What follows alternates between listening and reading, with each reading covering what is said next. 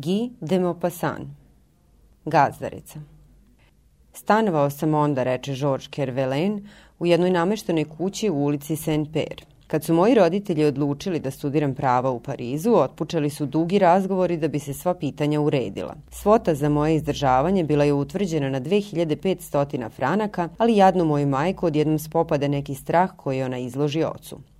Ako on počne nerazumno da troši novac i da se zbog toga nedovoljno hrani, izgubit će zdravlje. Mladi ljudi mogu sve da učine. Onda odlučiše da mi potraže jedan pansion, skroman i ugodan pansion koji će moji roditelji plaćati neposredno svakog meseca po utvrđenoj ceni. Nikada se nikud nisam makao iz Kenpera. Želeo sam sve što se može želeti u mojim godinama i bio sam gotov da veselo živim u svakom smislu. Susedi koje su pitali za savet preporučiše jednu našu zemljakinju, gospođu Kergaran, koja je držala pansion. Moj otac se pismima sporazumede sa tom časnom osobom, kod koje ja stigoh jedno veče sa velikim koferom. Gospođa Kergaran je imala oko 40 godina. Bila je krupna, veoma krupna, govorila je ocečnim glasom učitelja jahanja i sve je odlučivala kratko i jasno. Njen dom, veoma uzan, koji je na svakom spratu imao samo po jedan prozor okrenut na ulicu, ličio je na lestvice načinjene od prozora ili tačnije na krišku od kuće umetnutu u sendič između dve druge. Gazdarica je sa sluškinjom stanovala na prvome spratu, na drugom se kuvalo i obedovalo, četiri pansionera bretonca stanovala su na trećem i četvrtom. Ja dobih dve sobe na petom. Male crne stepenice, izuvijane kao vadičep, vodile su u te dve sobe pod krovom. Preko cijelog dana gospođa Kergaran se neprestano pela i silazila tom spiralom, zaposlena u toj kući sa fiokama kao kapetan na brodu. Ulazila je po deset puta jedno za drugim u svaki stan, nadgledala sve dižući veliku galamu, pazila da li su kreveti dobro namešteni, da li je odelo dobro iščetkano i da nije bilo još togod potrebno. Jednom rečju, starala se o svojim pansionerima kao majka, bolje nego majka. Ubrzo sam se upoznao sa svoja četiri zemljaka. Dvojica su studirala medicinu, a druga dvojica pravo, ali svi su bili pod despotskim jarmom gazdarice. Bojali su je se kao što se kradljivac divljači boji Poljaka. Što se mene tiče, ja sam odmah počeo da osjećam želju za nezavisnošću, jer sam po prirodi buntovan. Prvo sam izjavio da hoću da se vraćam kući kad mi je volja, jer je gospođa Kergaran bila propisala ponoć kao krajnji rok. Na taj zahtev ona me pogledala malo duže svojim svetlim očima, pa onda izjavila. To nije mogućno. Ne mogu da dopustim da se Aneta budi preko cijele noći. Nikakva posla nemate napolju posle toga vremena. Ja odlučno odgovorih. Prema zakonu, gospođe, vi ste dužni da mi otvorite u svako doba. Ako vi to ne budete hteli, dozaću žandarme da to utvrde, pa ću otići u hotel da spavam o vašem trošku, što je moje pravo. Bićete dakle primorani ili da mi otvorite, ili da me oterate. Vrata ili s Bogom, birajte. Smejao sam joj se u oči dok sam joj postavljao ove uslove. Kad je prošlo prvo za prepašćenje, ona htede da pregovara, ali ja ostadoh uporan i ona popusti. Pogodi smo se da mi da opšti ključ, ali pod izričnim uslovom da to niko ne zna. Moja energija ostavila je na nju blagotvoran utisak i od tada je prema meni postupala sa očiglednom blagonaklonošću. Pokazivala je prema meni mnogo pažnje, sitnih briga i obzira, pa čak i neku vrstu iznenadne nežnosti koja mi ni malo nije bila neprijatna. Ponekad, kad sam bio izuzetno veseo, poljubio bih je iznenada, jedino zato da bih dobio snažan šamar koji mi je ona odmah odvraćala. Kad bih uspeo da sagnem brzo glavu, njena ruka bi preletala iznad mene kao kuršum. Ja bih se kao lud smejao bežeći dok bi mi ona dovikivala. Ali, đubre jedno, platit ćete vi to meni. Postali smo prijatelji. Ali ja se upoznadoh na ulici s jednom devojčicom koja je radila u jednoj radnji. Vi znate kakve su te male parijske ljubavi. Idete tako nekog dana u školu i sretnete negde usput mladu osobu sa puštenim viticama niz leđa kako se šeta pod ruku sa prijateljicom preno što ode na rad. Izmenjaju se pogledi i vi osetite onaj mali potres koji može da vam zada oko izvesnih žena. Divna je to stvar u životu, to brzo fizičko dopadanje koje nikne pri prvom susretu. Ta laka i fina zavodljivost kojoj podlegnete pri samom doticaju sa bićem rođenim da vam se dopadne i da ga volite.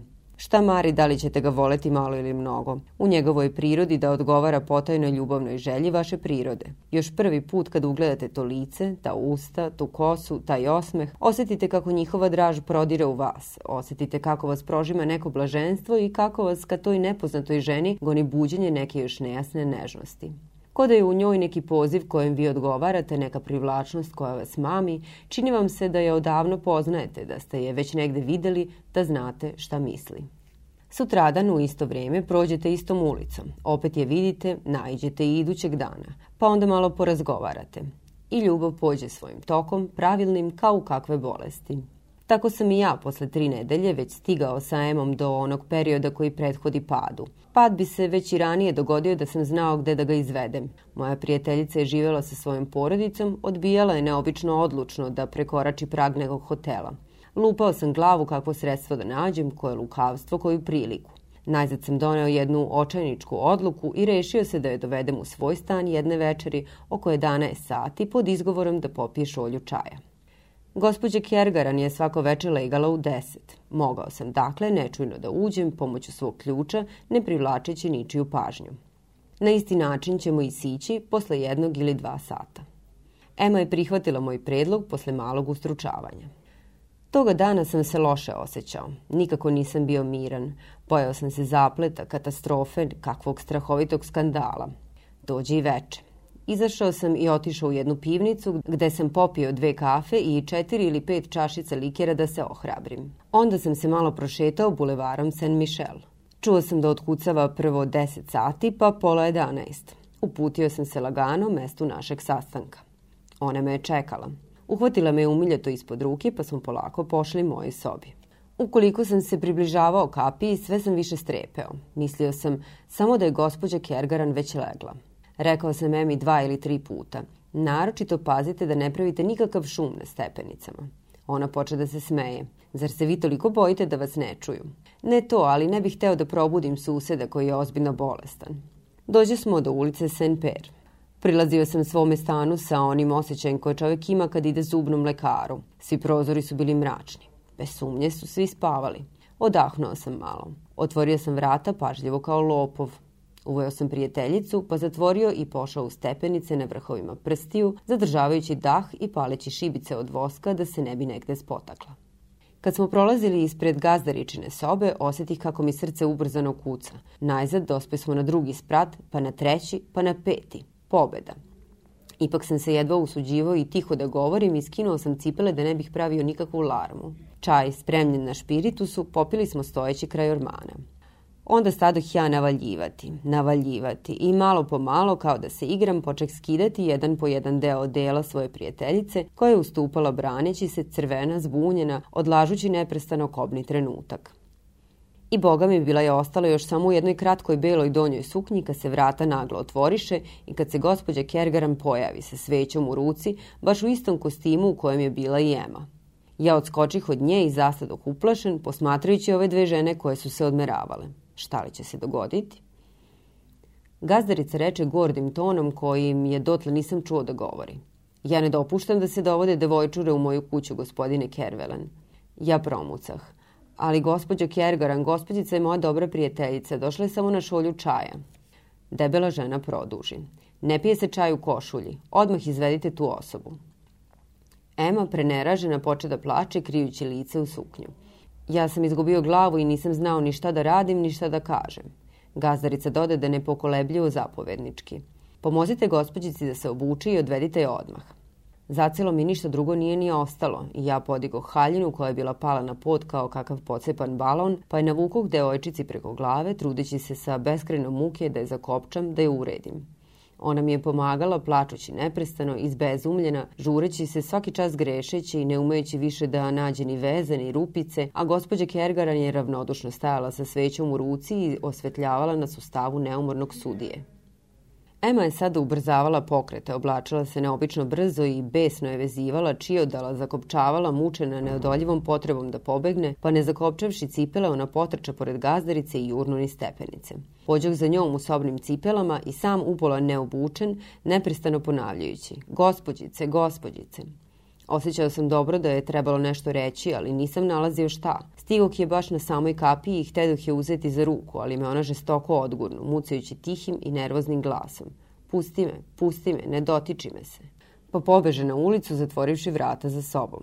Ja se vratih. Gospođa Kergaran bila je zastala na prvome spratu, a ja sam se peo lagano, očekujući sve i spreman na sve. Gazdarična soba je bila otvorena. Ona me uvede unutra, izgovorivši strogo. Imam sa vama da govorim, gospodine Kervelen. Pođeh ispred nje oborene glave. Ona ostavi sveću na kamin, pa skrstivši ruke na svoje moćne grudi koje je jedva pokrivala jedna tanka rekla, reče Tako dakle, gospodine Kervelen, vi moj pansion smatrate za javnu kuću. Nisam bio mnogo gord. Promrmljak. Ta ne, gospođo Kergara, ne treba da se ljutite za Boga. Vi znate šta je to mlad čovek. Ona odgovori. Znam to da ne dopuštam da koje kakve dolaze u moju kuću, jeste li razumeli? Znam da ću umeti da vas nateram da poštujete moj krov i ugled moje kuće, jeste li razumeli? Znam. Govorila je bar 20 minuta, gomilujući razloge i ljutnje, zasipajući me časnošću svoje kuće, kiteći me zajedljivim prekorima. A ja, čovek ti je čudna životinja, umesto da je slušam, ja sam je gledao. Ni reči nisam više čuo, ali ni reči. Imala je sjajne grudi, delija žena, čvrste, bele i oble, možda malo suviše pune, ali tako zavodljive da su mi žmarci prolazili uz leđa. Zbilja nisam ni slutio da ima i takvih stvari ispod gazdaričine vunene haljine. Neobučena izgledala je mlađa za deset godina. I ja se tako počeh osjećati nekako smešno, nekako, kako da kažem, sa uzavreo. Nejednom se sad nađoh pred njom u istom položaju u kojem sam bio prekinut pre četvrt časa u ovoj sobi a iza nje, u dnu, u alkovu, posmatrao sam njenu postelju. Ona je bila malo očkrinuta, izgužvana i ukazivala je udubljenjem u rublju na težinu tela što je tu ležalo. Pomislih da je sigurno veoma prijatno i veoma toplo u njoj, toplije nego i u jednoj drugoj postelji. Zašto toplije, ja nisam znao. Sigurno zbog punoće mesa koje se u njoj odmaralo. Ima li išta zbunjivije i dražesnije od razmeštene postelje? Ova me je opijala iz daleka da mi se koža ježila. Ona je neprestano govorila, ali sad blago, kao stroga i blagonaklona prijateljica koja jedva čeka da oprosti. Ja sam ucao, ali za Boga, za Boga gospođa Kergaran, za Boga. I kad ona začuta da čuje moj odgovor, ja je zgrabih u naručje i stadoh je ljubiti, ali ljubiti je kao kakva gladnica, kao čovek koji to već odavna očekuje. Ona se branila okrećući glavu, ali ne ljuteći se suviše i nesvesno po navici ponavljala – Đubre jedno, đubre. Nedovršivši, ja je jednim naporom podigoh i ponesoh stisnutu uza se. Čovek je neverovatno jak u izvesnim trenucima. Naiđoh na ivicu kreveta i padoh po njemu ne puštajući je. U njenoj postelji je doista bilo prijatno i veoma toplo. Kad se sad kasnije sveća ugasila, gazdarica ustade i zapali drugu. A kad se vratila da se uvuče kraj mene, zavelačeći krupnu i jaku nogu pod rublje, ona reče ljubkim glasom, zadovoljna, zahvalna možda. Oh, đubre jedno, đubre jedno.